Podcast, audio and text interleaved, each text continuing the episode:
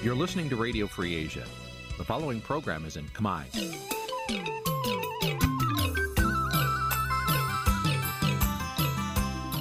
នេះជាកម្មវិធីផ្សាយ Vuthu Azizi Serai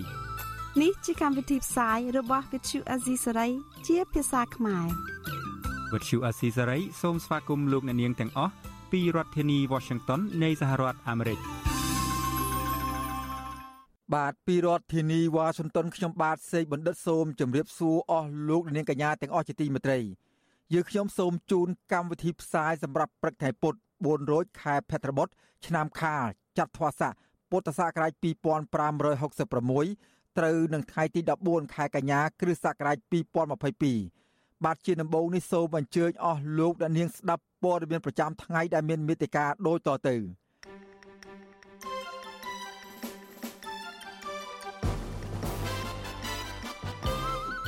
លោកសំរាស៊ីថាការពន្យាពេលនៃការប្រកាសសាលក្រមរបស់តុលាការក្រុងភ្នំពេញប្រឆាំងរូបលោកជាចេតនានយោបាយ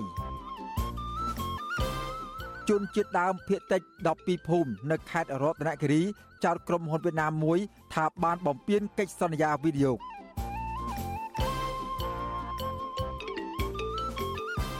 ពលរដ្ឋនៅខេត្តបាត់ដំបងព្រួយបារម្ភផលប៉ះពាល់ពីគម្រោងទំនប់ទឹករបស់មន្ទីរធនធានទឹក។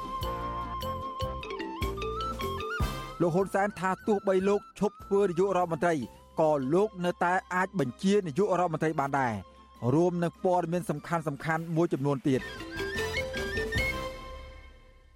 ជាបន្តទៅទៀតនេះខ្ញុំបាទសេកបណ្ឌិតសូមជូនព័ត៌មានពិស្ដាបាទលោកនាងកញ្ញាជាទីមេត្រីលោកសំរាំងស៊ីប្រធានស្ដីទីគណៈបកសង្គ្រោះជាតិលើកឡើងថាការពន្យាពេលប្រកាសសាលក្រមសំណុំរឿងរបស់លោកនៅតុលាការក្រុងភ្នំពេញនោះ គឺជាចេតនានយោបាយរបស់លោកនាយករដ្ឋមន្ត្រីហ៊ុនសែនលោកសំរងស៊ីប្រាប់បទសុអសីសេរីកាលពីយប់ថ្ងៃទី13កញ្ញាថា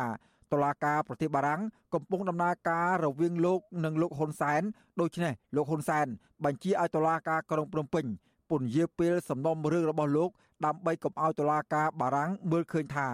លោកជាជនរងគ្រោះនៃការធ្វើទុកបុកម្នេញផ្នែកនយោបាយនៅកម្ពុជា។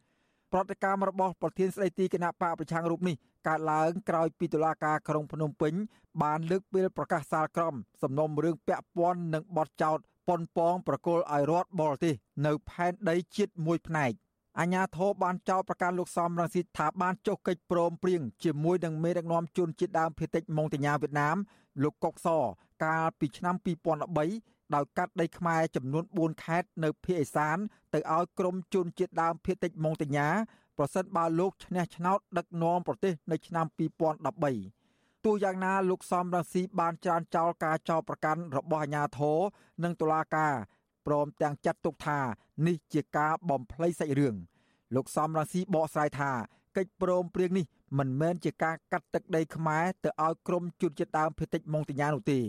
ប៉ុន្តែគ្រាន់តែជាការទទួលស្គាល់នឹងការគោរពសិទ្ធិជនជាតិដើមភាគតិចមួយចំនួនរស់នៅភូមិអេសាន ស្របទៅតាមរដ្ឋធម្មនុញ្ញនិងច្បាប់អន្តរជាតិនានាដែលកម្ពុជាផ្ដល់សច្ចាប័នតែប៉ុណ្ណោះ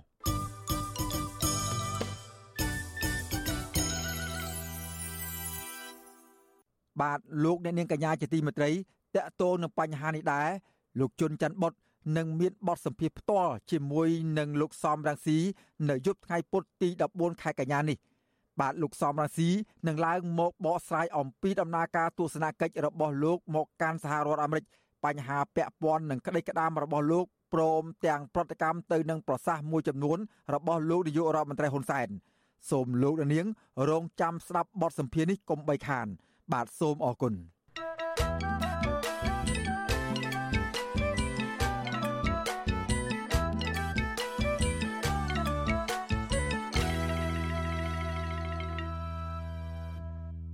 បាទលោកដែលនាងកញ្ញាជាទីមេត្រីពាក់ព័ន្ធនឹងបញ្ហាខ្មែរកម្ពុជាក្រោមឯនោះដែរតំណាងយុវជនខ្មែរកម្ពុជាក្រោមនៃសមាគមកូនខ្មែរដើម្បីអភិវឌ្ឍថ្កោលទោសចំពោះអាញាធរវៀតណាមខេត្តព្រះត្រពាំងដែលបានដាក់កងកម្លាំងជាច្រើនអ្នកហាមឃាត់មិនឲ្យក្រុមយុវជន និងប្រជាពលរដ្ឋខ្មែរកម្ពុជាក្រោមប្រមាណ100នាក់ធ្វើពិធីអបអរសាទររំលឹកខួប15ឆ្នាំនៃថ្ងៃដែលអង្គការសហប្រជាជាតិ ដាក់ចេញនៅសេចក្តីប្រកាសស្តីអំពីសិទ្ធិជនជាតិដើមយុវជនខ្មែរកម្ពុជាក្រោមលោកយើងខាយប្រាប់បទសុអសីសេរីកាលពីថ្ងៃទី13ខែកញ្ញាថា ការប្រារព្ធទិវានេះគឺដើម្បីជាប្រយោជន៍ខ្មែរកម្ពុជាក្រោមជាជនជាដើមទិវានេះយុវជនខ្មែរកម្ពុជាក្រោមបានចែកអំណោយដល់ពលរដ្ឋខ្មែរក្រោមដែលមានវ័យចំណាស់និងអានខ្លឹមសារនៃសេចក្តីប្រកាសស្តីពីសិទ្ធិជនជាតិដើមរបស់អង្គការសហប្រជាជាតិ ក្នុងពេលដំណើរគ្នានៃការប្រារព្ធពិធីនោះក៏មានប៉ូលីសវៀតណាមជាច្រើនអ្នកបានដាក់កម្លាំងមកហាមឃាត់មិនឲ្យខ្មែរកម្ពុជាក្រោមជួបជុំគ្នាក៏ប៉ុន្តែពលរដ្ឋខ្មែរក្រោមមិនធ្វើតាមហើយនាំគ្នាបន្តប្រារព្ធពិធីនោះតរតែបានចប់លោកយើងខៃចាត់ទុកទង្វើរបស់អាញាធិបតេយ្យវៀតណាមថាជាការរំលោភសិទ្ធិប្រមូលផ្ដុំរបស់ប្រជាពលរដ្ឋជាពិសេសសិទ្ធិជនជាតិដើម ពលយើងឃើញថាអាញាធិបតេយ្យវៀតណាមក៏ធ្វើរារាំងអញ្ចឹងគឺធ្វើខុសច្បាប់ហើយព្រោះអីសេចក្តីប្រកាសរបស់អង្គការសហប្រជាជាតិស្តីពីសិទ្ធិជនជាតិដើម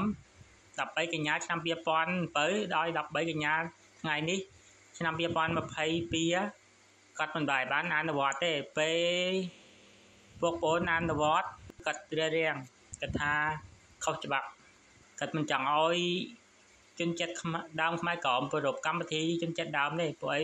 គេចោទថានៅប្រទេសវៀតណាមគ្មានជនជាតិដើមទេរដ្ឋាភិបាលអញ្ចឹងអង្គការសហប្រជាជាតិបានអនុម័តសេចក្តីប្រកាសស្តីពីសិទ្ធិជនជាតិដើមកាលពីឆ្នាំ2017សេចក្តីប្រកាសនេះជាឧបករណ៍សំខាន់មួយដើម្បីការពារសិទ្ធិជនជាតិដើមសេចក្តីប្រកាសនេះបានដាក់ចេញនៅលក្ខខណ្ឌស្តង់ដារអបបរិមាដោយធានានៅការរស់រានមានជីវិត កិត្តិយសសុខុមាលភាពនៃជនជាតិដើមជុំវិញពិភពលោកនិងការបញ្ជាក់ឡើងវិញនៅសិទ្ធិជាមូលដ្ឋាន និងសិទ្ធិមនុស្សឲ្យស្របទៅតាមស្ថានភាពនៃជនជាតិនីមួយៗទោះបីជាវៀតណាមបានព្រមទទួលយកអនុវត្តនៅសេចក្តីប្រកាសស្តីពីសិទ្ធិជនជាតិដើមក៏ដោយក៏វៀតណាមនៅតែបន្តធ្វើទុកបុកម្នេញលើប្រជាពលរដ្ឋកម្ពុជាក្រោមនិងជនជាតិដើមផ្សេងទៀតដែរ បច្ចុប្បន្នខ្មែរកម្ពុជាក្រោមជុំវិញពិភពលោកកំពុងធ្វើយុទ្ធនាការស្វែងរកសិទ្ធិស្វ័យសម្រេចដោយខ្លួនឯងនៅថ្ងៃអនាគត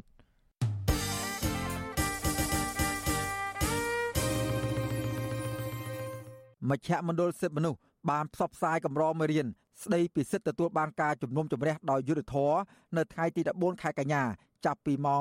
8:30នាទីព្រឹកដល់ម៉ោង12ថ្ងៃត្រង់នៅសន្តាគារសាន់វេរាជធានីភ្នំពេញ សេចក្តីប្រកាសព័ត៌មានរបស់មជ្ឈមណ្ឌលសំណុះកម្ពុជានៅថ្ងៃទី13ខែកញ្ញាឲ្យដឹងថា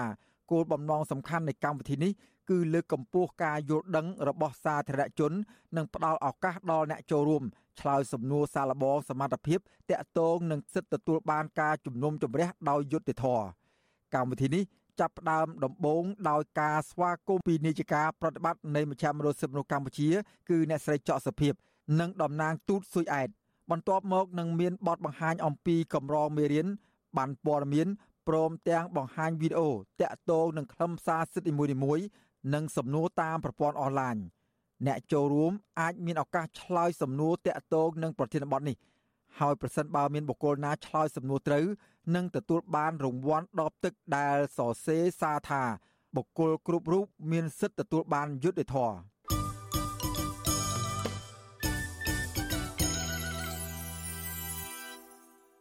បាទពាក់ព័ន្ធនឹងសំណុំរឿងដីធ្លីវិនិយោគនៅខេត្តភៀកសាននៅវិញ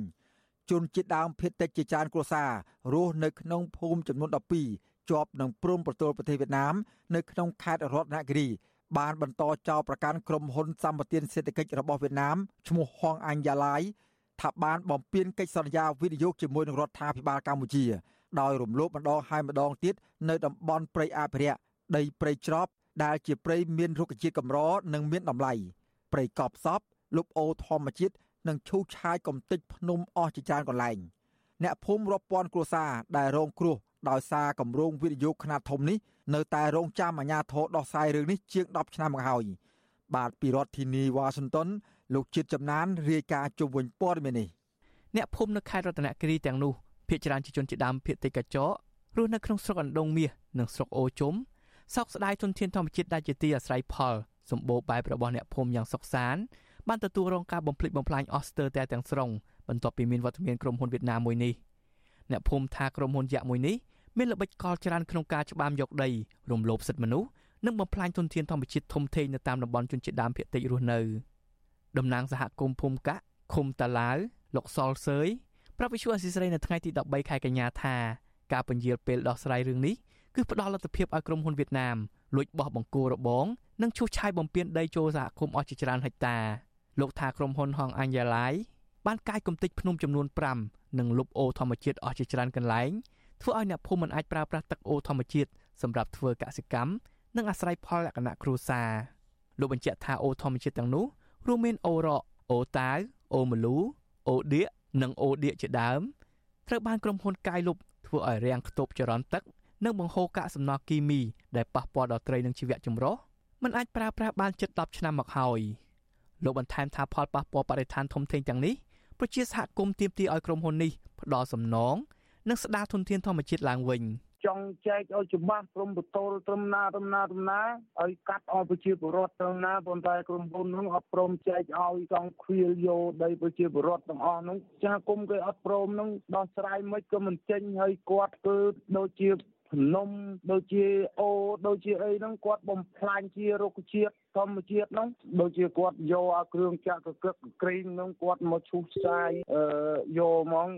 តំណាងសហគមន៍រូបនេះបន្ថែមថាដីនៅតំបន់ចំនួនមានជាង60កន្លែង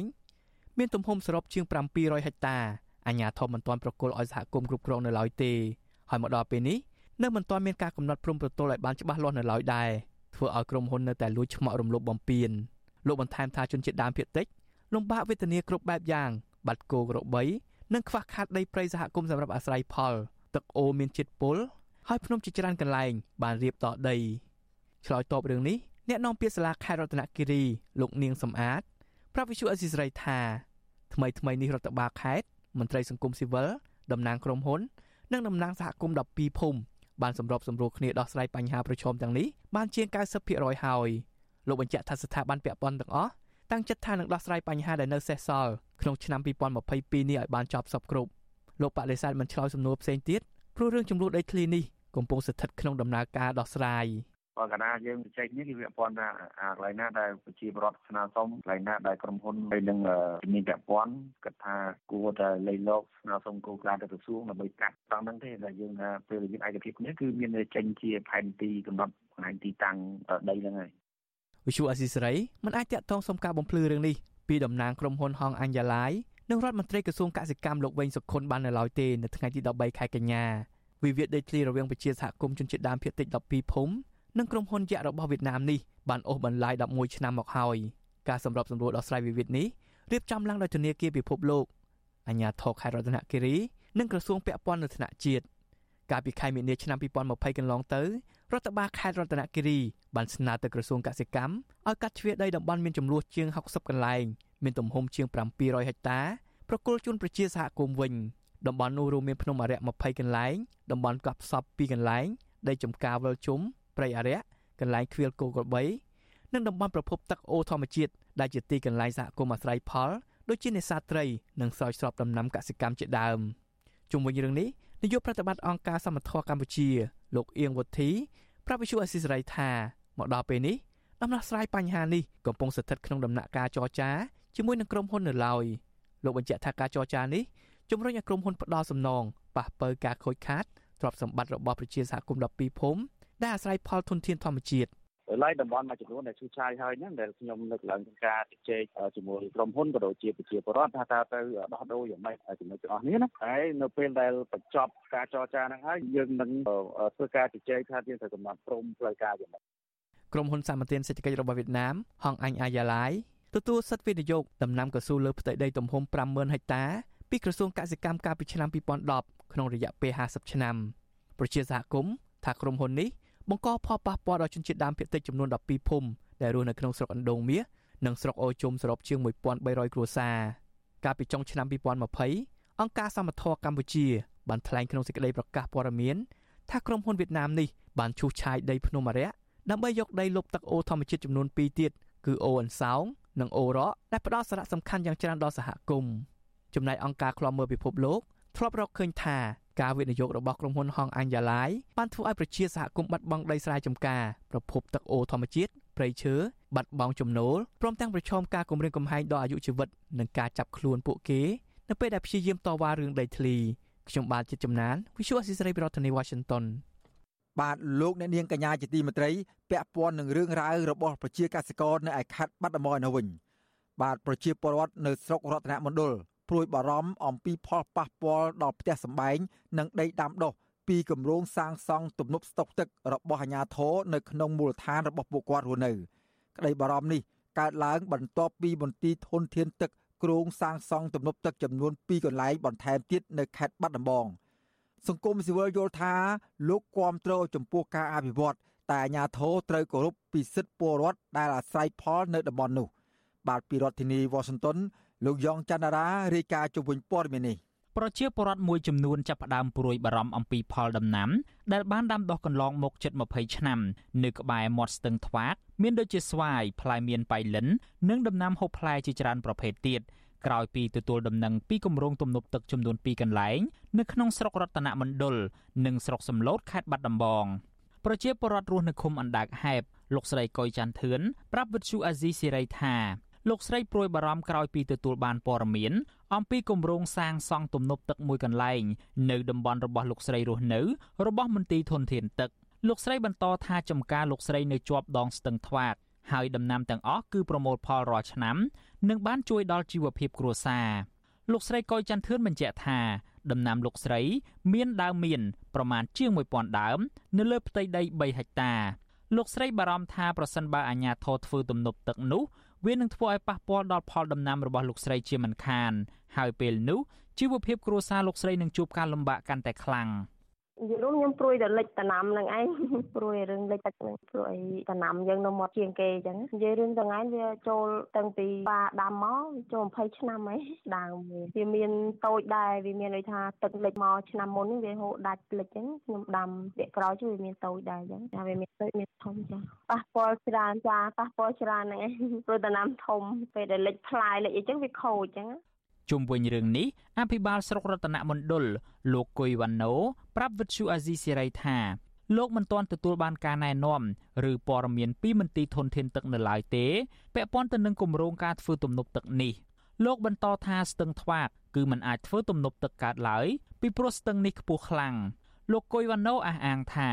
លោកធ្លាប់ចុះសិក្សាជាមួយខាងមន្ទីរធនធានទឹកម្ដងរួចហើយនៅខាងស្រុកសំឡូត ក៏ប៉ុន្តែបច្ចុប្បន្នលោកមិនទាន់ដឹងថាគម្រោងយ៉ាងណានោះទេឥឡូវនេះខ្ញុំអត់លឺសូបស្រុកខ្ញុំអត់លឺទេបាទហ្នឹងអត់លឺអត់លឺមានថាធ្វើអីចឹងណាខ្ញុំអត់បានដឹងតែជាមួយខ្ញុំសួរគុណធានទឹកវិញណាអត់លឺសូព័ត៌មានមកមកដល់ហ្នឹងបើនៅព្រាមតាខ្ញុំចូលទៅសិក្សាកាលហ្នឹងហ្នឹងគេសិក្សាពីសំណងផលប៉ះពាល់នៅភូមិនោះអញ្ចឹងណាតែខាងខ្ញុំវាអត់មានទេខាងរដ្ឋណាំដុលអត់មានទេ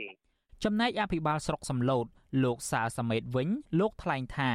លោកមិនទាន់ទទួលបានប្លង់ណែនាំពីអភិបាលខេត្តនិងខាងមន្ទីរធនធានទឹកនៅឡើយទេក៏ប៉ុន្តែលោកបានបញ្ជាក់ថាបើមានការសាងសង់មែនក៏មិនសូវមានការប៉ះពាល់ដល់ពលរដ្ឋដែរពីព្រោះលោកថាដីជាប់មាត់ស្ទឹងនិងដីបំរុងសុទ្ធតែជាតំបន់ព្រៃការពារបរិស្ថាននៅឡើយវិទ្យុអាស៊ីសេរីមិនអាចតាក់ទងប្រធានមន្ទីរធនធានទឹកនិងអតុនិយមខេត្តបាត់ដំបងលោកឡុងផលគុណដើម្បីសាកសួរអំពីរឿងនេះបានទេកាលពីថ្ងៃទី13កញ្ញា ដោយទូរស័ព្ទចូលតែពុំមានអ្នកទទួលតាក់ទងទៅនឹងរឿងនេះអ្នកសម្របសម្រួលផ្នែកខ្លំមើលការរំលោភសិទ្ធិមនុស្សនៃអង្គការលីកាដូប្រចាំនៅខេត្តបាត់ដំបងលោកអិនកងចិត្តលើកឡើងថាការសាងសង់ទំនប់ទឹកទាំងពីរនេះគឺអាជ្ញាធរនិងស្ថាប័នពាក់ព័ន្ធត្រូវសិក្សាឲ្យបានច្បាស់លាស់តាក់ទងទៅនឹងផលប៉ះពាល់ជាមួយប្រជាពលរដ្ឋ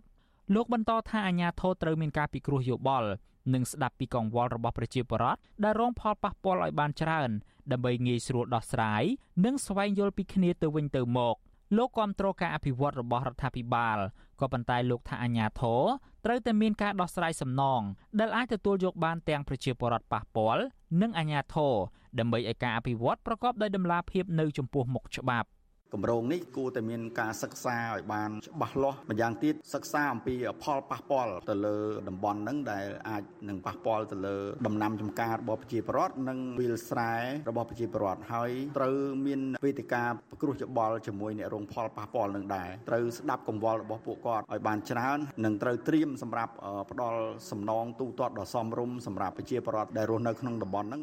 កន្លងទៅស្រុករតនមណ្ឌលក៏ធ្លាប់មានការសាងសង់ទំនប់នៅតំបន់សេកសកដែរគឺទំនប់ពហុបំណងសេកសកដែលអាចផលិតថាមពលអគ្គិសនីបានប្រមាណ13មេហ្គាវ៉ាត់ជាគម្រោងរបស់រដ្ឋាភិបាលគ្រប់គ្រងដោយក្រសួងធនធានទឹកនិងអូតូនិយម និងសាងសង់ដោយក្រុមហ៊ុនចិន ដែលជាប្រាក់កម្ចីពីប្រទេសចិន ដែលបានដាក់ឲ្យប្រើប្រាស់កាលពីឆ្នាំ2018ទំនប់ពហុបំណងសេកសក គឺជាអាងស្តុកទឹកដ៏សំខាន់សម្រាប់ផ្គត់ផ្គង់ទឹកបន្តទៅទំនប់ដង្ហតដែលស្ថិតនៅផ្នែកខាងក្រោមតំបន់សេកសកនៅក្នុងស្រុកបាណន់ដែលអាចស្រោចស្រពលើផ្ទៃដីកសិកម្មបានប្រមាណ70000ហិកតាគ្របដណ្ដប់លើស្រុកចំនួន4គឺស្រុកកោះក្រឡស្រុកមោងឫស្សីស្រុកបាណន់និងក្រុងបាត់ដំបងទំនប់ទឹកមួយនេះមានផ្ទៃដីកសិកម្មជាង100,000ហិកតាត្រូវបានលិចលង់ជារៀងរាល់ឆ្នាំក្រោយពីទំនប់ពហុបំណងសេកសកនេះសាងសង់រួច អង្គការសង្គមស៊ីវិលយល់ថាអញ្ញាធរត្រូវតែសិក្សាស៊ីជម្រៅពាក់ព័ន្ធនឹងផលប៉ះពាល់គម្រោងមុននឹងធ្វើទំនប់នេះដើម្បីបញ្ជៀសបញ្ហាដែលនឹងកើតមានឡើង និងផលប៉ះពាល់ទៅលើប្រជាពលរដ្ឋខ្ញុំយ៉ងច័ន្ទដារាវិទ្យុអាស៊ីសេរីរាយការណ៍ពីរដ្ឋធានី Washington បាទលោកអ្នកនាងកញ្ញាជាទីមេត្រីពាក់ព័ន្ធនឹងប្រាក់ឈ្នួលគោរបស់កម្មករវិញបាទគណៈបកភ្លើងទៀនប្រកាសគាំទ្រការទៀមទាប្រាក់ឈ្នួលគោ ចំនួន215ដុល្លាររបស់ក្រុមកម្មករក្នុងវិស័យកាត់ដេរវេទនភ័ណ្ឌនិងស្បែកជើងសេចក្តីថ្លែងការណ៍របស់គណៈបកភ្លើងទៀនកាលពីថ្ងៃទី13ខែកញ្ញាឲ្យដឹងថាគណៈបកនេះយល់ថាការដំឡើងប្រាក់ឈ្នួលកម្មករឲ្យដល់ចំនួន215ដុល្លារក្នុងមួយខែនោះគឺអាចជួយដល់កម្មករកម្មការិនីបានមួយចំណែក ទោះបីជាការដំឡើងប្រាក់ឈ្នួលនេះមិនទាន់សមល្មមនឹងដំណោះស្រាយជីវភាពនៅក្នុងស្ថានភាពដែលទំនិញម្ហូបអាហារមធ្យោបាយធ្វើដំណើរនិងទីកន្លែងស្នាក់នៅឡើងថ្លៃខ្ពស់ជាងប្រទេសជិតខាងយ៉ាងណាក្តីលើពីនេះទៀតគណៈបកភ្លើងទៀនស្នើសុំឲ្យរដ្ឋាភិបាលធានាការដំឡើងប្រាក់ឈ្នួលគោលឲ្យបានលើសពី300ដុល្លារក្នុងឆ្នាំ2024ដោយសម្របសម្រួលជាមួយនឹងថៅកែរោងចក្រសហគ្រាសកាត់បន្ថយចំណាយក្រៅផ្លូវការ សម្រួលដល់ការនាំចូលវត្ថុធាតុដើមឬជំរុញផលិតវត្ថុធាតុដើមនៅក្នុងស្រុកជាដើមការប្រកាសរបស់គណៈបកភ្លើងទីនេះគឺស្របពេលដែលភាគីពាក់ព័ន្ធរួមមានភាគីរដ្ឋាភិបាលនយោជកភាគីថៅកែរោងចក្រនិងភាគីសហជីពតំណាងឲ្យកម្មករបានបើកកិច្ចប្រជុំម្ដងទៀតជជែកអំពីបញ្ហាប្រាក់ឈ្នួលគោលរបស់កម្មករសម្រាប់ឆ្នាំ2023កាលពីរសៀលថ្ងៃទី13ខែកញ្ញា ប្រធានសហភាពសហជីពការងារកម្ពុជាលោកអាត់ធុនដែលចូលរួមកិច្ចប្រជុំនេះដែរបានឲ្យដឹងថាភាគីទាំង3នៅមិនទាន់ព្រមព្រៀងកំណត់បានប្រាក់ឈ្នួលគោលរួមមួយនៅឡើយទេក្នុងនោះភាគីរដ្ឋាភិបាលស្នើសុំដាក់ប្រាក់ឈ្នួលគោលចំនួន197.86ភាគីនយោជកស្នើសុំ197និងភាគីសហជីពស្នើសុំចំនួនចន្លោះពី206ទៅ213ដុល្លារសំលេងហើយយើងមាន សំណើផ្សេងផ្សេងទៀតដូចជាឲ្យជួយរៀបចំបរិងប្រព័ន្ធសន្តិសុខសង្គមចុះតម្លៃទឹកភ្លើងរៀបចំអីផ្សេងផ្សេងទៀតដូចអ្វីដែលនៅក្នុងរបាយការណ៍ហ្នឹងច្រើនណាខាងក្រុមការងារចរចាហ្នឹងនឹងជួបគ្នានៅព្រឹកថ្ងៃទី21មួយទៀតបើសិនមិនមានអីប្រែប្រួលទេបោះឆ្នោតហើយធ្វើសេចក្តីសម្រេចចេញប្រកាសព័ត៌មានហ្មងក្រុមកម្មការផ្នែកកាត់ដេរនិងវេទនភ័ណ្ឌមួយចំនួន បាននាំគ្នាធ្វើយុទ្ធនាការតាមបណ្ដាញសង្គមជាច្រើនសប្តាហ៍មកហើយស្នើសុំដំឡើងប្រាក់ឈ្នួលគោលឲ្យបានដល់215ដុល្លារក្នុងមួយខែដោយពួកគេយកសម្អាងហេតុផលមួយចំនួន ជាពិសេសបញ្ហាតម្លៃទំនិញនៅលើទីផ្សារនិងប្រេងឥន្ធនៈឡើងថ្លៃខ្ពស់ជាដើមក្នុងឆ្នាំ2022នេះកម្មករផ្នែកវិទ្យាភ័ណ្ឌកាត់ដេរស្បែកជើង និងកាបូបមានប្រាក់ឈ្នួលគោលចំនួន196ដុល្លារក្នុងមួយខែ សម្រាប់កម្មករពេញសិទ្ធិ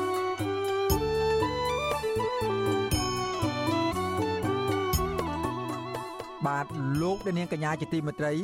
វិទ្យុអាស៊ីសេរីក្រៅពីផ្សាយតាមបណ្ដាញសង្គម Facebook និង YouTube នោះក៏មានផ្សាយដំណើរគ្នាតាមរយៈរលក ធាតុអាកាសខ្លីឬ Shortwave ដូចតទៅនេះដែរនៅពេលព្រឹកចាប់ពីម៉ោង5កន្លះដល់ម៉ោង6កន្លះតាមរយៈរលក ធាតុអាកាសខ្លី12140 kHz ស្មើនឹងកម្ពស់ 25m និង13715 kHz ស្មើនឹងកម្ពស់ 22m ពេលយប់ចាប់ពីម៉ោង7កន្លះដល់ម៉ោង8កន្លះតាមរយៈរលកធាតុអាកាសខ្លី9960 kHz ស្មើនឹងកម្ពស់ 30m 12140 kHz ស្មើនឹងកម្ពស់ 25m និង11885 kHz ស្មើនឹងកម្ពស់ 25m បាទសូមអរគុណ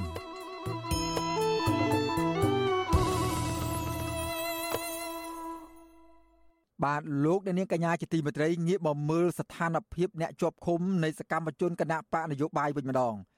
ក្រមគ្រួសារនៃសកម្មជនគណៈបកនយោបាយមេធាវីការពីក្តី និងមន្ត្រីសិទ្ធិមនុស្សចាត់ទុកការសម្រេចរបស់សាលាធរភ្នំពេញលើសកម្មជនគណបកសង្គ្រោះជាតិជាង10នាក់នោះថាជារឿងអយុត្តិធម៌ចំពោះអ្នកអនុវត្តសិទ្ធិសេរីភាពនៅក្នុងសង្គមប្រជាធិបតេយ្យការរិះគន់នេះគឺបន្ទាប់ពីតុលាការជាន់ខ្ពស់មួយនេះ បានតម្កល់សាលក្រមផ្ដន់ទោសសាលាដំបងរាជធានីភ្នំពេញលើសកម្មជនទាំងនោះចាត់ទុកថាជាបានការដដែលនៅថ្ងៃទី13ខែកញ្ញាប្រធានក្រុមជំនុំជម្រះនៃសាលាដំបងរាជធានីភ្នំពេញនៅថ្ងៃទី13ខែកញ្ញា បានបើកសវនាការជំនុំជម្រះដោយសម្រេចដំកល់សាលក្រមរបស់សាលាដំបងរាជធានីភ្នំពេញដែលផ្ដន់ទាទោសកម្មជនគណៈបកប្រឆាំងជាង10នាក់ឲ្យជាប់គុក5ឆ្នាំដោយតម្រូវឲ្យអនុវត្តទោស3ឆ្នាំ8ខែដដែលក្នុងសំណុំរឿងរួមគំនិតក្បត់និងញុះញង់តាក់ទងនឹងការបង្កើតចលនាសង្គ្រោះជាតិនៅក្រៅប្រទេសរបស់លោកសំរាំងស៊ីកាលពីឆ្នាំ2018 ក្រមគ្រួសារនិងមេធាវីការពីក្តីឲ្យសកម្មជនទាំងនោះចាត់ទុកការសម្រេចរបស់សាលាឧទ្ធរភ្នំពេញ គឺជារឿងមិនត្រឹមត្រូវ និងមិនអាចទទួលយកបានឡើយប្រពន្ធសកម្មជនគណបកសង្គ្រោះជាតិនៅខេត្តស្វាយរៀងដែលកំពុងជាប់ពន្ធនាគារត្រពាំង plong លោកយឹមសារ៉េត គឺលោកស្រីអុកចន្ទធីសោកស្ដាយជាខ្លាំងចំពោះការដំកល់សាលក្រមផ្ដន់ទាទោសប្តីរបស់លោកស្រី និងសកម្មជនបកប្រឆាំងផ្សេងទៀតដែលជាមនុស្សស្អាតស្អំ។ លោកស្រីចាត់ទុកការសម្រេចនាពេលនេះគឺជារឿងអយុត្តិធម៌ហើយបង្ហាញកាន់តែច្បាស់ថាប្រព័ន្ធតុលាការមិនឯករាជ្យដែលស្ថិតនៅក្រោមបញ្ជារបស់អ្នកនយោបាយតាការស្រុកខ្មែរមិនថាតឡាការជន់ទៀបឬតឡាការជន់ខ្ពស់ទេ គឺគាត់ស្ដាប់តាបញ្ជាអ្នកនយោបាយបើអ្នកនយោបាយបញ្ជាថាមិនអោយដោះលែងគឺមិនដោះលែងទេតឡាការអយុត្តិធម៌បំផុតបើសិនជាតឡាការយកបាប់ នីតិរដ្ឋយកមកអនុវត្តហើយតឡាការឯករាជ្យម្លេះសំគ្រូក្រុមគ្រួសារពួកខ្ញុំមិនមែនជាប់ឃុំដល់ថា2ឆ្នាំជាងទេគឺមិនមានទោសអ្វីទាល់តែសោះលោកស្រីអុកចន្ទធីបញ្ជាក់ថាទោះបីក្រុមគ្រួសារសកម្មជននយោបាយទាំងអស់មិនព្រមទទួលយកភាពអយុត្តិធម៌ពីស្ថាប័នតុលាការក៏ដោយក៏ពួកលោកស្រីនៅតែបដិញ្ញាចិត្ត បន្តធ្វើសកម្មភាពស្វែងរកយុទ្ធធររហូតដល់មានការដោះលែងប្តីរបស់លោកស្រីឲ្យមានសេរីភាពឡើងវិញចំណែកមេធាវីការពីក្តីឲ្យសកម្មជនគណៈបកប្រឆាំងលោកសំសកុងខកចិត្តចំពោះការសម្រេចរបស់តុលាការដែលមិនបានផ្ដល់យុត្តិធម៌ដល់កូនក្តីរបស់លោក ពីព្រោះពួកគាត់ពុំបានប្រព្រឹត្តអំពើល្មើសច្បាប់អ្វីឡើយលោកលើកឡើងថា បើផ្អែកលើអង្គហេតុនិងភ័ស្តុតាងកន្លងមក ការសម្រេចរបស់តុលាការ គឺមិនសមហេតុសមផលក្នុងការផ្ដន់ទាទោសកម្មជនទាំងនោះទេទោះយ៉ាងណាលោកនឹងដាក់ពាក្យបណ្ដឹងសាលទុកករណីនេះទៅតុលាការកំពូលក្នុងពេលឆាប់ឆាប់ខាងមុខនេះដើម្បីរកយុត្តិធម៌ជូនកូនក្តីរបស់លោកជាបន្តទៀត។ ទន្ទឹមនឹងនេះមេធាវីការពីក្តីឲ្យសកម្មជនគណៈបកប្រឆាំងរូបនេះស្នើសុំទៅដល់អគ្គនាយកដ្ឋានពន្ធនាគារនៃក្រសួងមហាផ្ទៃឲ្យពិចារណាក្នុងការបញ្ជូនកូនក្តីរបស់ខ្លួនពីពន្ធនាគារត្រពាំង plong ត្រឡប់មកពន្ធនាគារព្រៃសរវិញ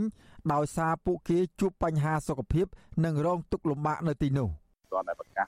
តម្កល់សារក្រមទុក ជាបានការនេះគឺក្រមមេធាវីការពីមានការខកចិត្តដោយសារការប្រកាសនេះគឺมันបានផ្ដល់ភាពយុត្តិធម៌ដល់កូនក្រីដោយសាររឿងនេះវាពាក់ព័ន្ធនឹងសំណុំរឿងនយោបាយហើយមកដល់ពេលនេះពួកគាត់ម្នាក់ម្នាក់ហ្នឹងសិតតែបានអះអាងថាមិនបានប្រព្រឹត្តការចោទកម្មទេការប្រកាសសាលដីកានៅពេលនេះមានការចូលរួមឃ្លាំមើលពីតំណាងទូតប្រទេសប្រជាធិបតេយ្យក្រមអង្គការសង្គមស៊ីវិលក្រមមេធាវីការពីក្តី និងសាច់ញាតិរបស់ជនជាប់ឃុំជាង20នាក់ ជាមួយគ្នានោះដែរឆ្មាំពន្ធនាគារបានដឹកជនជាប់ឃុំ4នាក់តាមរថយន្តរួម មានលោកសុនធុនលោកសុកចន្ទថាលោកជុំច័ន្ទលោកខឹមភាណានិងអតីតមន្ត្រីក្រសួងមហាផ្ទៃដែលស្ថិតនៅក្នុងសំណុំរឿងតែមួយដោយឲ្យពួកគាត់ចូលរួមស្ដាប់ការសម្រេចរបស់តុលាការដែរចំណែកឯសកម្មជន8នាក់ទៀតដែលអវត្តមាននៅក្នុងបន្ទប់ប្រកាសសាលដីកាវិញ ដោយសារតែពួកគេមានបញ្ហាសុខភាពដែលមិនបានដឹកចេញពីពន្ធនាគារត្រពាំង plong ខេត្តត្បូងឃ្មុំស្ថិតនៅជាប់ព្រំដែនវៀតណាមមកពន្ធនាគារព្រៃសរបានទេរីឯខាងក្រៅរបងតុលាការវិញគ្រួសារនិងសាច់ញាតិរបស់សកម្មជនគណៈបកប្រឆាំងជាច្រើនអ្នកបានលើកបដារូបថតប៉ុន្តែមិនមានការប៉ះទង្គិចគ្នាជាមួយនឹងក្រុមប៉ូលីសក្រមសន្តិសុខស្លៀកពាក់ឯកសន្តាននិងស៊ីវិលដែលបានដាក់ឃ្លាំមើលនៅខាងក្រៅរបងតុលាការនោះទេ មកទល់នឹងពេលនេះមានសកម្មជនគណបកប្រឆាំងនិងអ្នករិះគន់រដ្ឋាភិបាលជាង60នាក់ទៀតកំពុងជាប់ឃុំនៅក្នុងពន្ធនាគារដោយសារតែការអនុវត្តសិទ្ធិសេរីភាពរបស់ខ្លួនពួកគាត់ភ័យច្រើនត្រូវបានអាជ្ញាធរចាប់ឃុំខ្លួនជាបន្តបន្ទាប់កាលពីដើមឆ្នាំ2020តុលាការបានចោទប្រកាន់ពួកគេដោយដូចគ្នាពីបទរួមគំនិតក្បត់ញុះញង់ឲ្យយោធិនមិនស្ដាប់បង្គាប់ញុះញង់ឲ្យប្រព្រឹត្តបទអក្រិតជាអាត និងញុះញង់ឲ្យមានភាពវឹកវរធ្ងន់ធ្ងរដល់សន្តិសុខសង្គមជាដើមកាលពីខែមីនាសាលាដំបងរាជធានីភ្នំពេញបានផ្ដន់ទាសទោសពួកគេជាបន្តបន្ទាប់ឲ្យជាប់ពន្ធនាគារចន្លោះពី5ឆ្នាំទៅ7ឆ្នាំប៉ុន្តែសកម្មជននយោបាយទាំងនោះតម្រូវឲ្យអនុវត្តទោស3ឆ្នាំ8ខែដោយទោសនៅសល់ត្រូវព្យួរវិទ្យុអាស៊ីសេរីនៅពុំទាន់អាចតាក់ទងแนะនាំពាក្យសាលាឧទ្ធរភ្នំពេញដើម្បីបញ្ជាក់ជុំវិញរឿងនេះបានទេនៅថ្ងៃទី13ខែកញ្ញា ជុំវិញរឿងនេះអ្នកនាំពាក្យសមាគមការពារសិទ្ធិមនុស្សអាត6លោកសង្សានករណា មានប្រសាសន៍ថា លោកមិនចម្លែកនោះទេ ចំពោះការសម្រេចរបស់តុលាការ ពីជាន់ទាបរហូតដល់ជាន់ខ្ពស់ដោយសារសំណុំរឿងក្តីក្តាមនេះគឺជារឿងនយោបាយលោកមើលឃើញថាសកម្មភាពរបស់សកម្មជនគណបកប្រឆាំងកន្លងមក បានអនុវត្តសិទ្ធិនយោបាយរបស់ខ្លួនក្នុងសង្គមប្រជាធិបតេយ្យដោយមិនមែនជាការរំលោភច្បាប់នោះទេ បើសិនជាកម្ពុជាយើងចង់រួចផុតអំពីការរិះគន់ពីការថ្កោលទោសនានាពីសហគមន៍អន្តរជាតិអំពីការរំលោភបំពានទៅលើសិទ្ធិរបស់អ្នកនយោបាយរំលោភបំពានទៅលើគោលការណ៍សេរីរបស់សង្គមលទ្ធិប្រជាធិបតេយ្យគួរតែមានការបញ្ចប់នៅការធ្វើទុកបុកម្នេញទាំងការប្រើប្រាស់ ប្រព័ន្ធតឡាការទៅលើសកម្មជនគណៈបកប្រឆាំងទាំងការគម្រាមកំហែងផ្សេងផ្សេងយើងគួរតែបញ្ចប់វាទៅហើយចាប់ផ្ដើមបើកនៅលំហហើយស្ដារនៅលទ្ធិប្រជាធិបតេយ្យហើយនឹងការគោរពសិទ្ធិមនុស្សសិទ្ធិនយោបាយអីហ្នឹងនឹងទាំងអស់នឹងឡើងវិញទៅកាលពីចុងខែសីហាអ្នករាយការណ៍ពិសេសអង្គការសហប្រជាជាតិប្រចាំនៅកម្ពុជាលោកវិទិតមុនតបន ថ្លែងក្រោយពេលបិទបញ្ចប់ដំណើរបេសកកម្មរបស់លោកនៅកម្ពុជា ដោយផ្ដោតសំខាន់លើការស្នើសុំឲ្យរដ្ឋាភិបាលកម្ពុជាពន្យាការកែតម្រង់ប្រព័ន្ធតុលាការដើម្បីការពារសិទ្ធិសេរីភាពរបស់ប្រជាពលរដ្ឋនិងត្រូវដោះលែងសកម្មជនគណៈបកនយោបាយដែលកំពុងជាប់ឃុំឲ្យមានសេរីភាពឡើងវិញជាមួយគ្នានោះ លោកក៏អំពាវនាវដល់រដ្ឋាភិបាលកម្ពុជាឲ្យបើកលំហសេរីភាពសង្គមស៊ីវិលនិងនយោបាយក្នុងនោះក៏រាប់បញ្ចូលទាំងការលុបចោលនិងការកែតម្រង់ច្បាប់នានាដែលរដ្ឋបិទសិទ្ធិសេរីភាពរបស់ប្រជាពលរដ្ឋផងដែរ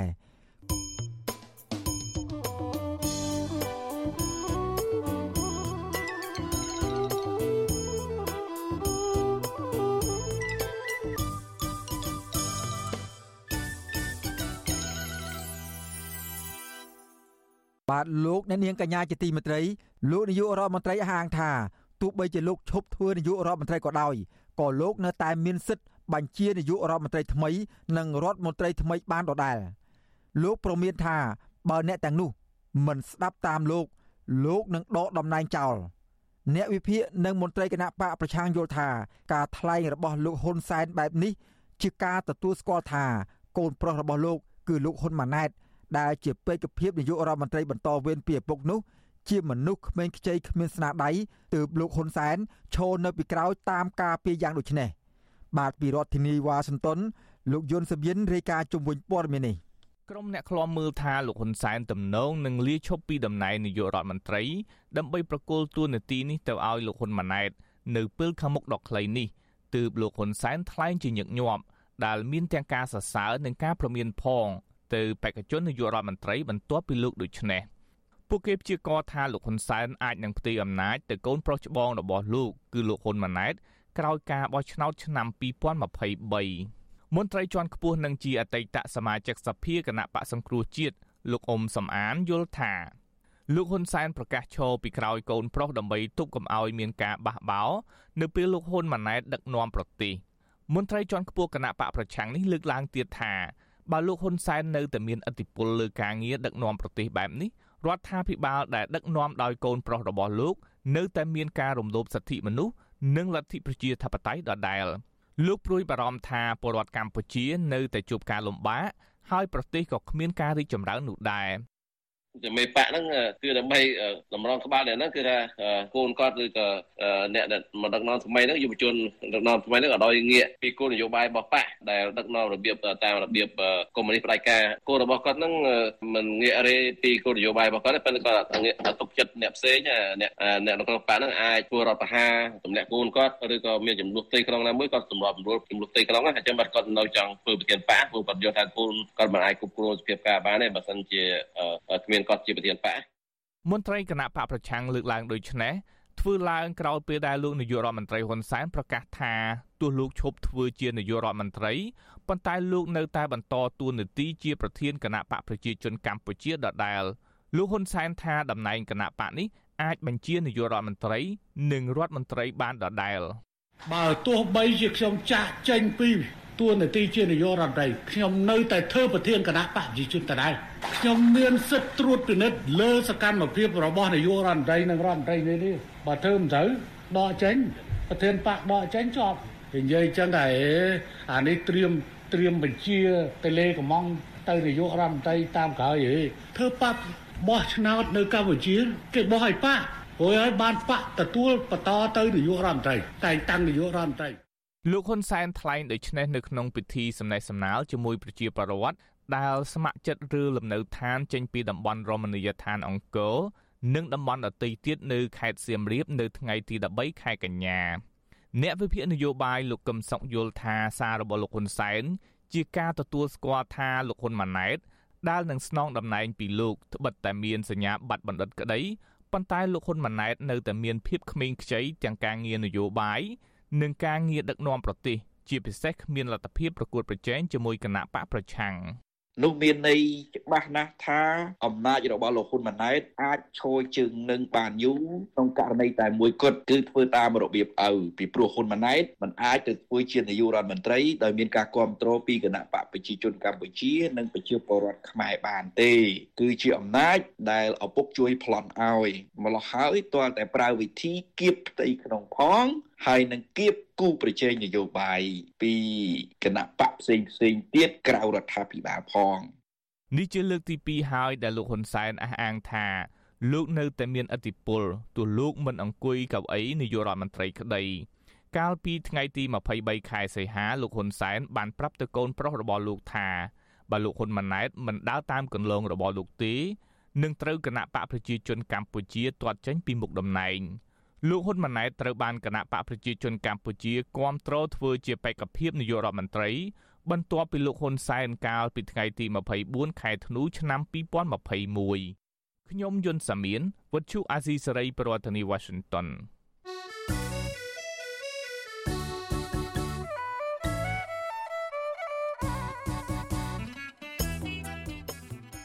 បាទលោកនាងកញ្ញាជាទីមេត្រី ក្រៅពីការតាមដានស្ដាប់ការផ្សាយរបស់វិទ្យុអស៊ីសេរីតាមបណ្ដាញសង្គម Facebook YouTube Telegram លោកអ្នកនាងក៏អាចតាមដានស្ដាប់ការផ្សាយរបស់យើងខ្ញុំ តាមរយៈបណ្ដាញសង្គម Instagram របស់វិទ្យុអស៊ីសេរីតាមរយៈតំណភ្ជាប់ www.instagram.com/rfa ខ្មែរវិទ្យុអសីស្រីបន្តខិតខំផ្សព្វផ្សាយព័ត៌មានពិតទៅកាន់បងប្អូនតាមរយៈបណ្ដាញសង្គមផ្សេងៗ និងសម្បូរបែបដើម្បីលោកដានាងងាយស្រួលតាមដានការផ្សាយរបស់វិទ្យុអសីស្រីគ្រប់ពេលវេលា និងគ្រប់ទីកន្លែង តាមរយៈទូរស័ព្ទរបស់អស់លោកដានាង បាទសូមអរគុណ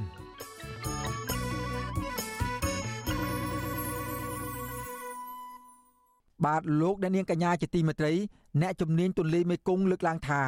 កម្ពុជាក្នុងនាមជាប្រធានអាស៊ាន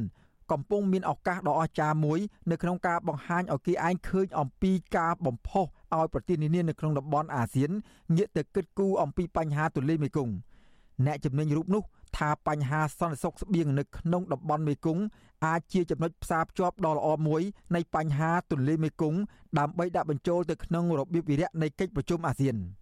បាទលោកអ្នកនាងនឹងបានស្ដាប់បទសម្ភាសន៍ជុំវិញរឿងនេះនាពេលបន្តិចទៀត។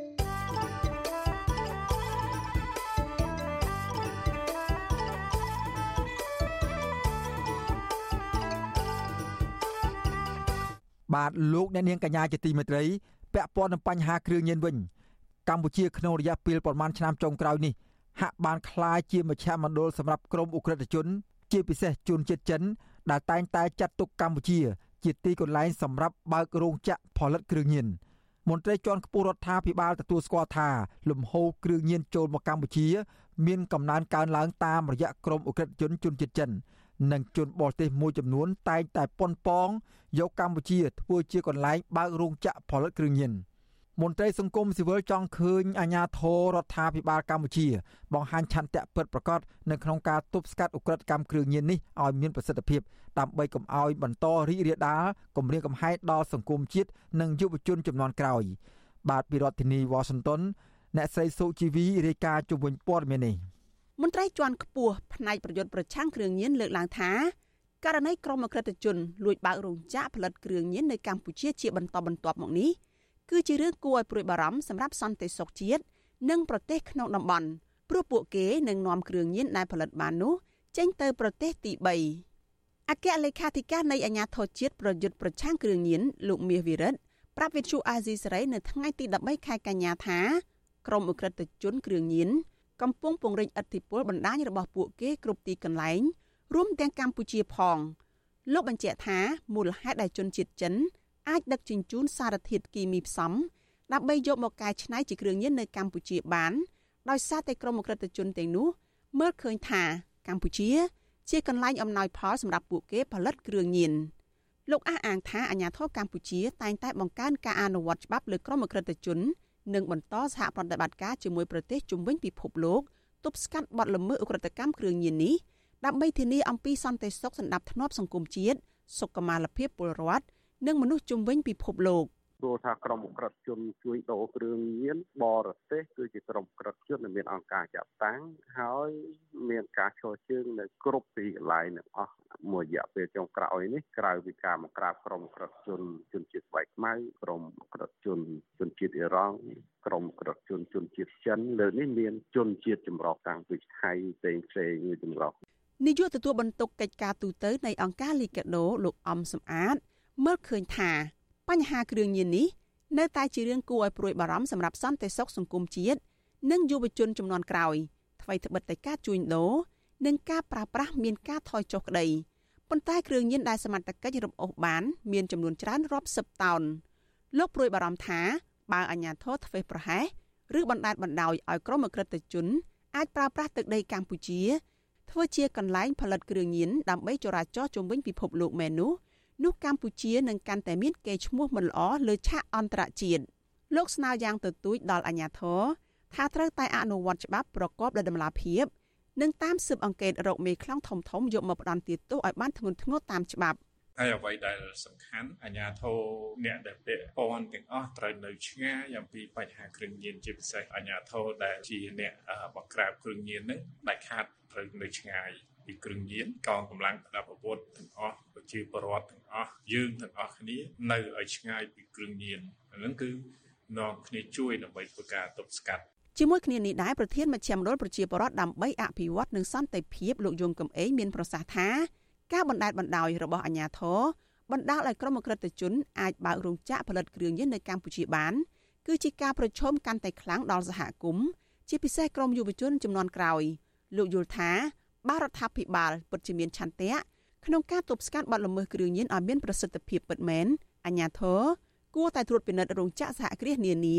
ដែលសង្ស័យថាផលិតគ្រឿងញៀននិងពង្រឹងសមត្ថភាពមន្ត្រីច្រកទ្វារព្រំដែនជាប្រចាំជាងនេះទៅទៀតលោកថាស្ថាប័នមានសមត្ថកិច្ចត្រូវតែលុបបំបាត់មន្ត្រីដែលតែងតែប្រព្រឹត្តអំពើពុករលួយ។ បញ្ហាសំខាន់មួយទៀតគឺអាជ្ញាធរពាក្យពន្ធនឹងធ្វើម៉េចត្រូវតែមានផែនការច្បាស់លាស់នៅក្នុងការទប់ស្កាត់និងបង្ក្រាបគ្រឿងញៀនត្រូវតែធ្វើជាប្រព័ន្ធធ្វើដោយច្បាស់លាស់ដោយប្រកបវិជ្ជាហើយនឹងមានការតាមដានត្រួតពិនិត្យជាសំខាន់ពីរដ្ឋបាលថ្នាក់ជាតិនេះបាទហ្នឹងគឺយើងអាចដោះស្រាយបាននារយៈពេលចុងក្រោយនេះកម្ពុជាហាក់ញោមញីយ៉ាងខ្លាំងពីលំហូរគ្រឿងញៀនដ៏ច្រើនសន្ធឹកសន្ធាប់តាមរយៈក្រុមអក្រិតជនជនជាតិចិន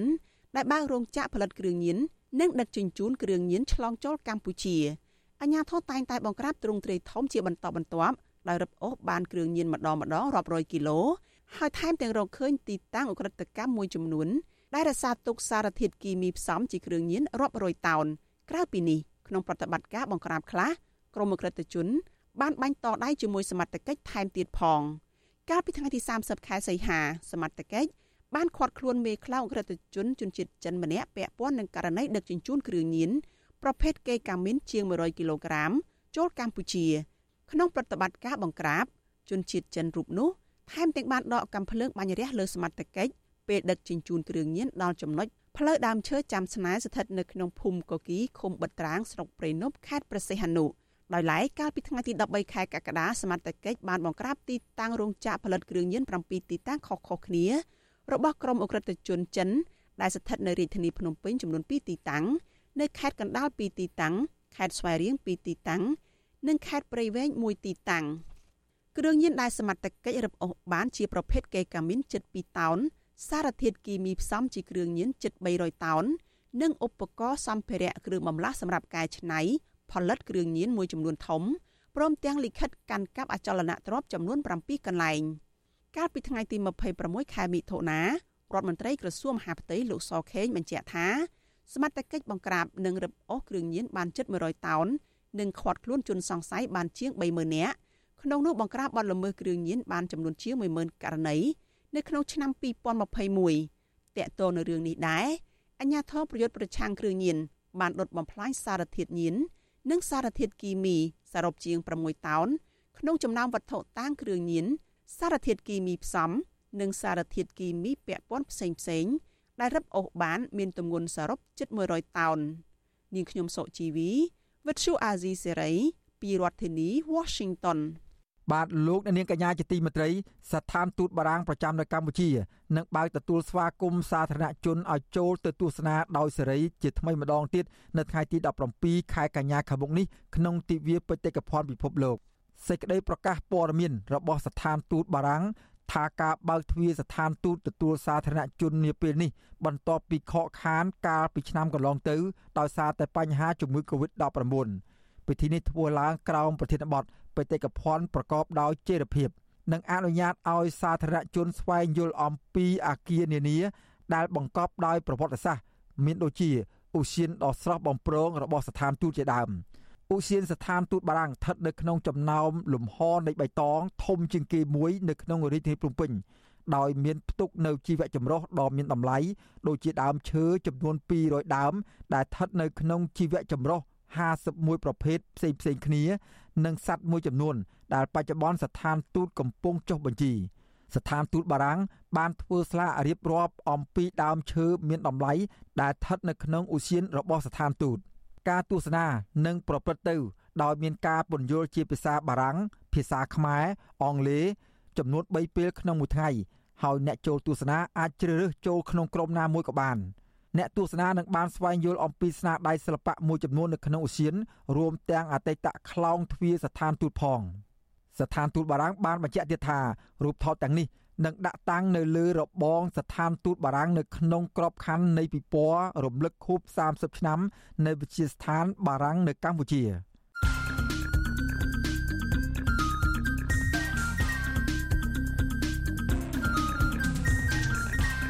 បតសំភារ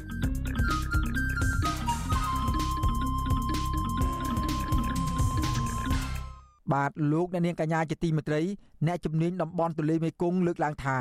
កម្ពុជាក្នុងនាមជាប្រធានអាស៊ាន កំពុងមាននៅឱកាសដ៏អស្ចារ្យមួយក្នុងការបង្ហាញឲ្យគេឯងឃើញអំពីការបំផុសឲ្យប្រទេសនានានៅក្នុងតំបន់អាស៊ានងាកមកគិតគូរអំពីបញ្ហាទន្លេមេគង្គអ្នកជំនាញរូបនេះថាបញ្ហាសន្តិសុខស្បៀងនៅក្នុងតំបន់ទន្លេមេគង្គអាចជាចំណុចផ្សារភ្ជាប់ដ៏ល្អមួយនៃបញ្ហាទន្លេមេគង្គដើម្បីដាក់បញ្ចូលទៅក្នុងរបៀបវិរៈនៃកិច្ចប្រជុំអាស៊ាន បាទជាបន្តទៅទៀតនេះសូមអញ្ជើញអស់លោកដានៀង ស្ដាប់បទសម្ភាសរវាងលោកមានរិទ្ធជាមួយនឹងនាយកកម្មវិធីអាស៊ីអាគ្នេយ៍នៃមជ្ឈមណ្ឌលស្រាវជ្រាវគោលនយោបាយ Stimson Center គឺលោក Brian Eiler ជុំវិញបញ្ហានេះដូចតទៅបាទខ្ញុំចង់ដឹងថាចាប់តាំងពីពេលដែលសហរដ្ឋអាមេរិកបង្កើតឲ្យមាននៅភាពជាដៃគូរវាងអាមេរិកនិងមេគង្គ ចាប់តាំងពីឆ្នាំ2020មកហ្នឹងតើលោកគាត់សម្គាល់ឃើញមានការប្រែប្រួលឬក៏ការវិវត្តអីជាវិជ្ជមានបែបណាខ្លះនៅក្នុងតំបន់មេគង្គនេះបាទ The regions you know been in kind of a a lockdown situation បាទដោយដែលអ្នកដឹងហើយថាតំបន់មេគង្គបានឆ្លងកាត់នៅស្ថានភាពបិទគប់ក្នុងអំឡុងពេលវិបត្តិជំងឺ Covid-19 ទើបតែនៅពេលថ្មីថ្មីនេះទេដែលតំបន់នេះបានងើបចេញពីស្ថានភាពបែបនេះ នេះមានន័យថាផែនការនិងមហិច្ឆតាជាច្រើនរបស់ដៃគូអភិវឌ្ឍដូចជាសហរដ្ឋអាមេរិកនិងដៃគូអភិវឌ្ឍដទៃទៀតដូចជាជប៉ុននិងអូស្ត្រាលីជាដើមត្រូវបានផ្អាកហើយមិនអាចអនុវត្តបានដែលជាការគួរឲ្យសោកស្ដាយឥឡូវនេះកម្មវិធីថ្មីថ្មីជាច្រើនទៀតទើបតែត្រូវបានចាប់ផ្ដើមដាក់ចេញមកវិញពីខាងភាគីសហរដ្ឋអាមេរិកនិងដៃគូអភិវឌ្ឍន៍ដទៃទៀតដូច្នេះខ្ញុំគិតថានៅឆ្នាំបន្ទាប់ គឺជាឆ្នាំដែលយើងត្រូវរងចាំមើលដើម្បីឲ្យដឹងថាតើនឹងមានឥទ្ធិពលអ្វីខ្លះដែលសហរដ្ឋអាមេរិកអាចសម្រេចបានក៏ប៉ុន្តែតាមរយៈភាពជាដៃគូរវាងសហរដ្ឋអាមេរិកនិងតំបន់មេគង្គមានការបដោតសារជាថ្មីឡើងវិញទៅលើបញ្ហាប្រែប្រួលអាកាសធាតុដូចជាការស្វែងរកដំណោះស្រាយទប់ទល់នឹងហានិភ័យអាកាសធាតុការកែលម្អផលប៉ះពាល់និងភាពធន់ស៊ាំនឹងផលប៉ះពាល់បណ្ដាលមកពីការប្រែប្រួលអាកាសធាតុជាដើម មានការបដោតសារជាថ្មីទៅលើបញ្ហាសន្តិសុខមិនប្រពៃណីដូចជាអំពើជួញដូរមនុស្សដែលជាបញ្ហាដ៏សំខាន់មួយដែលកម្ពុជាកំពុងដោះស្រាយព្រមទាំងបញ្ហាជួញដូរសត្វព្រៃឬអំពើជួញដូរគ្រឿងញៀនខុសច្បាប់ជាដើមបញ្ហាអស់ទាំងនេះគឺបន្ថែមទៅលើកិច្ចពិគ្រោះយោបល់លើវិស័យជាប្រពៃណីនានា ដូចជាវិស័យសុខាភិបាលអប់រំនិងសន្តិសុខទឹកជាពិសេស ដូច្នេះការប្រែប្រួលមួយក្នុងចំណោមការប្រែប្រួលនានាដែលភាពជាដៃគូរវាងសហរដ្ឋអាមេរិកនិងតំបន់មេគង្គនាំមកហើយដែលខុសប្លែកគ្នាពីគម្រោងគំនិតដូចផ្ដើមតំបន់មេគង្គខាងក្រោមគឺថាការផ្ដោតទៅលើការកសាងភាពជាដៃគូពិតប្រាកដជារួមទៅវាគឺជាកិច្ចគ្រប់គ្រងមួយពីសហរដ្ឋអាមេរិកពលគឺពីក្រសួងការបរទេសអាមេរិកដែលអាចពាក់ព័ន្ធនឹងដៃគូជាច្រើនមកពីវិស័យផ្សេងផ្សេងគ្នា ដូចជាដៃគូមិនមែនរដ្ឋាភិបាលដៃគូប្រព័ន្ធផ្សព្វផ្សាយសកម្មជនបរិស្ថានតាមមូលដ្ឋាន បន្ថែមទៅលើកិច្ចគ្រប់គ្រងទ្វេភាគីជាលក្ខណៈប្រពៃណីទៅដល់រដ្ឋាភិបាលក្នុងតំបន់មេគង្គដើម្បីកែលម្អវិស័យអភិបាលកិច្ចបរិស្ថាន សុខាភិបាលអប់រំនិងបញ្ហានានាដែលខ្ញុំបានលើកឡើងពីខាងដើមបាទ ចុះចំពោះការលើកកម្ពស់ឲ្យមានការយល់ដឹងអំពីបញ្ហាតំបន់មេគង្គនៅក្នុងចំណោមសមាគមអាស៊ានវិញយើងដឹងហើយថាកម្ពុជាកំពុងដឹកនាំធ្វើជាប្រធានបដូវវេនអាស៊ាននៅក្នុងឆ្នាំនេះតើមានការលើកកម្ពស់ឲ្យមានការយល់ដឹងអំពីបញ្ហាតំបន់មេគង្គទៅក្នុងរបៀបវិរៈរបស់អាស៊ានបែបណាខ្លះដែរបាទ Yeah I I think that's important that it's ASEAN's responsibility បាទខ្ញុំគិតថា ជាការសំខាន់ដែលនេះគឺជាការទទួលខុសត្រូវរបស់អាស៊ាន ឬជាការទទួលខុសត្រូវរបស់ប្រទេសនានាក្នុងតំបន់អាស៊ាន ក្នុងការលើកកម្ពស់ឲ្យមាននៅកិច្ចពិភាក្សាអំពីបញ្ហាមេគង្គនេះឡើងពីព្រោះថាប្រសិនបើកិច្ចពិភាក្សានេះកើតចេញពីក្នុងតំបន់នោះខ្ញុំគិតថាវានឹងត្រូវបានគេគិតថាពិតជាមាននៅតម្រូវការពិតប្រាកដមែន ជាជាងការដែលដៃគូអភិវឌ្ឍជាអ្នកនិយាយចេញមកថាជាការសំខាន់ដែលត្រូវដាក់បញ្ចូលបញ្ហាមេគង្គទៅក្នុងរបៀបវិរៈរបស់អាស៊ានយើងដឹងហើយថាវៀតណាមបានព្យាយាមដាក់បញ្ចូលបញ្ហាមេគង្គនេះទៅក្នុងរបៀបវិរៈរបស់អាស៊ានក្នុងពេលដែលប្រទេសនេះធ្វើជាប្រធានអាស៊ានកាលពីពេលកន្លងទៅក៏ប៉ុន្តែនៅទីបំផុតទៅប្រទេសនេះបានខកខានមិនបានធ្វើទៅវិញដោយសារតែវិបត្តិជំងឺរាតត្បាតសកល COVID-19 ហើយនឹងការជាប់រវល់ក្នុងការដោះស្រាយបញ្ហានេះនៅពេលដែលខ្ញុំបានធ្វើដំណើរទៅតំបន់នេះកាលពីពេលថ្មីៗនេះទាំងនៅកម្ពុជានិងទាំងនៅវៀតណាមខ្ញុំបានផ្ដោតការយកចិត្តទុកដាក់ចំពោះការបន្លឺសម្លេងជំវិញបញ្ហាមេគង្គដែលភាគីពាក់ព័ន្ធបានលើកឡើងដើម្បីដាក់បញ្ហាមេគង្គចូលទៅក្នុងរបៀបវិរៈរបស់អាស៊ានខ្ញុំពិតជាបានឮប្រទេសទាំងពីរនេះផ្ដោតលើបញ្ហាសន្តិសុខស្បៀង វាជាការគួរឲ្យចាប់អារម្មណ៍មែនទែនដែលកម្ពុជានិងវៀតណាមសុទ្ធតែផ្ដោតលើសារៈសំខាន់នៃបញ្ហាសន្តិសុខស្បៀងសម្រាប់ប្រទេសរបស់ពួកគេរៀងៗខ្លួននិងទំនាក់ទំនងរវាងការធ្លាក់ចុះគុណភាពទន្លេមេគង្គនិងសន្តិសុខស្បៀងដូច្នេះខ្ញុំគិតថានេះជាចំណុចតភ្ជាប់គ្នាហើយខ្ញុំជឿជាក់ថាវាអាចទៅរួចដែលប្រទេសថៃអាចនឹងធ្វើតាម ហើយថាប្រទេសដទៃទៀតក្នុងតំបន់អាស៊ានអាចនឹងលើកយកបញ្ហាសន្តិសុខស្បៀងនេះធ្វើជាប្រធានបទនៃកិច្ចពិភាក្សាដោយសារតែប្រទេសទាំងនោះសុទ្ធតែមានតម្រូវការស្បៀងពីតំបន់មេគង្គដូចគ្នាកម្ពុជានិងវៀតណាមគឺជាប្រទេសនាំចេញស្បៀងនៅក្នុងតំបន់មេគង្គដល់ប្រទេសជាប់សមុទ្រដទៃទៀតនៅក្នុងតំបន់អាស៊ានដែលជាទូទៅប្រទេសទាំងនោះមិនបានផ្ដោតអតិភិបលើបញ្ហារបស់មេគង្គឡើយដូច្នេះខ្ញុំគិតថា មានឱកាសដែលត្រូវចាប់យកនៅទស្សនវិជ្ជាមួយក្នុងចំណោមបញ្ហាជាច្រើនទៀតក្នុងតំបន់មេគង្គហហើយនោះគឺបញ្ហាសន្តិសុខស្បៀងពលគឺត្រូវលើកកម្ពស់បញ្ហានេះទៅក្នុងរបៀបវិរៈអាស៊ាន ហើយនឹងតាមដានមើលថាតើបញ្ហានេះអាចនឹងនាំឲ្យមានឡើងនៅកិច្ចខិតខំប្រឹងប្រែងនិងចំណាប់អារម្មណ៍ច្រើនជាងនេះទៅលើបញ្ហាមេគង្គដែរឬយ៉ាងណានោះ see see how that can um, bring more effort and attention to the issue បាទអញ្ចឹងតើលោកវាតម្លៃយ៉ាងម៉េចដែរចំពោះភាពជាប្រធានបដូវវេនអាស៊ានរបស់កម្ពុជា នៅក្នុងការលើកយកបញ្ហាមេគង្គនេះមកធ្វើជារបៀបវិរៈរបស់អាស៊ាននោះបាទហើយដោយដែលយើងដឹងហើយថាកម្ពុជាបានធ្វើជាប្រធានបដូវវេនរបស់អាស៊ានអស់រយៈពេលជាងកន្លះឆ្នាំមកហើយ ហើយនៅដើមខែវិច្ឆិកាខាងមុខនេះនឹងមានកិច្ចប្រជុំកំពូលអាស៊ាន ដែលនឹងមានដៃគូអភិវឌ្ឍព្រមទាំងក្រុមមេដឹកនាំពិភពលោកជាច្រើនដូចជាសហរដ្ឋអាមេរិកមកចូលរួមផងដែរនោះបាទ I think Cambodia has uh, a grand opportunity to ខ្ញុំគិតថាកម្ពុជាមាននៅឱកាសដ៏អស្ចារ្យមួយដើម្បីបង្ហាញឲ្យគេឯងឃើញពីការជំរុញទឹកចិត្តផ្នែកនយោបាយរបស់ខ្លួនក្នុងការដោះស្រាយបញ្ហានានារបស់តំបន់មេគង្គ ហើយបំផ្លែងការជំរុញទឹកចិត្តនោះឲ្យคล้ายទៅជាទូនីតិនិងការទទួលខុសត្រូវរបស់ខ្លួនក្នុងនាមជាប្រធានអាស៊ាន ដោយដាក់បញ្ចូលវាទៅក្នុងរបៀបវិរៈអាស៊ានខ្ញុំដឹងថារដ្ឋាភិបាលកម្ពុជាកំពុងតែបង្កើនការបដិញ្ញាចិត្តរបស់ខ្លួនកាន់តែខ្លាំងឡើងខ្លាំងឡើងច្រើនជាងពេលណាណាទាំងអស់ក្នុងការអភិរក្សធនធានទន្លេមេគង្គវាជាការសង្កេតដ៏កម្រមួយដែលយើងឃើញមានការបដិញ្ញាចិត្តខ្ពស់បែបនេះ ដោយមានកិច្ចខិតខំប្រឹងប្រែងជាលក្ខណៈសម្របសម្រួលរបស់រដ្ឋាភិបាលយ៉ាងដូចនោះស្រដៀងគ្នានឹងការនិយាយប្រដូចទៅនឹងការឆ្លើយតបចំពោះបញ្ហាជំងឺរាតត្បាតសកល COVID-19 នេះចឹងដែរដែលថា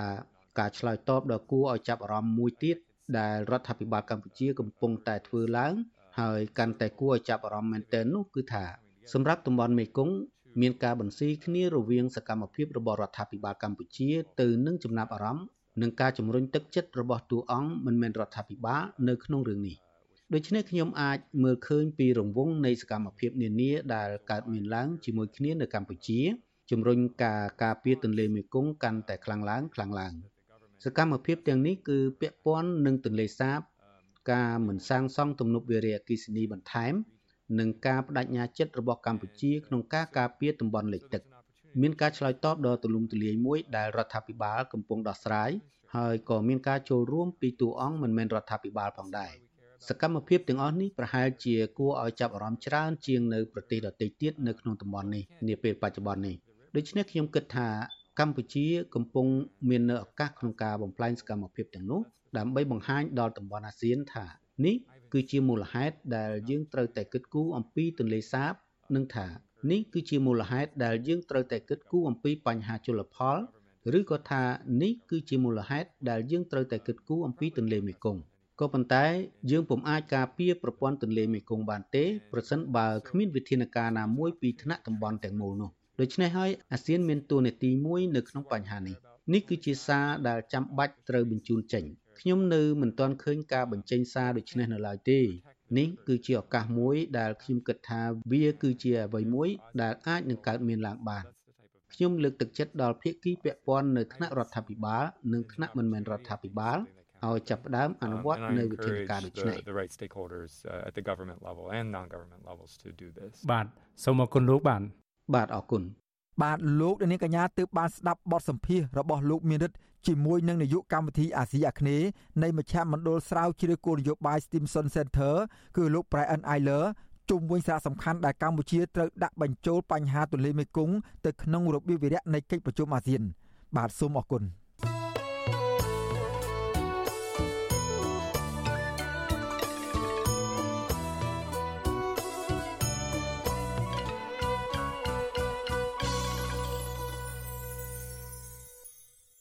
បាទលោកអ្នកនាងកញ្ញាជាទីមេត្រីការផ្សាយរយៈពេល1ម៉ោងរបស់វិទ្យុអាស៊ីសេរីសម្រាប់ព្រឹកនេះចប់តែប៉ុណ្ណេះយើងខ្ញុំសូមជូនពរដល់អស់លោកអ្នកនាងឲ្យជួបប្រកបតែនឹងសេចក្តីសុខចម្រើនរុងរឿងកំបីគ្លៀងគ្លាតឡើយខ្ញុំបាទសេកបណ្ឌិតព្រមទាំងក្រុមការងារទាំងអស់នៃវិទ្យុអាស៊ីសេរីសូមអរគុណនិងសូមជម្រាបលា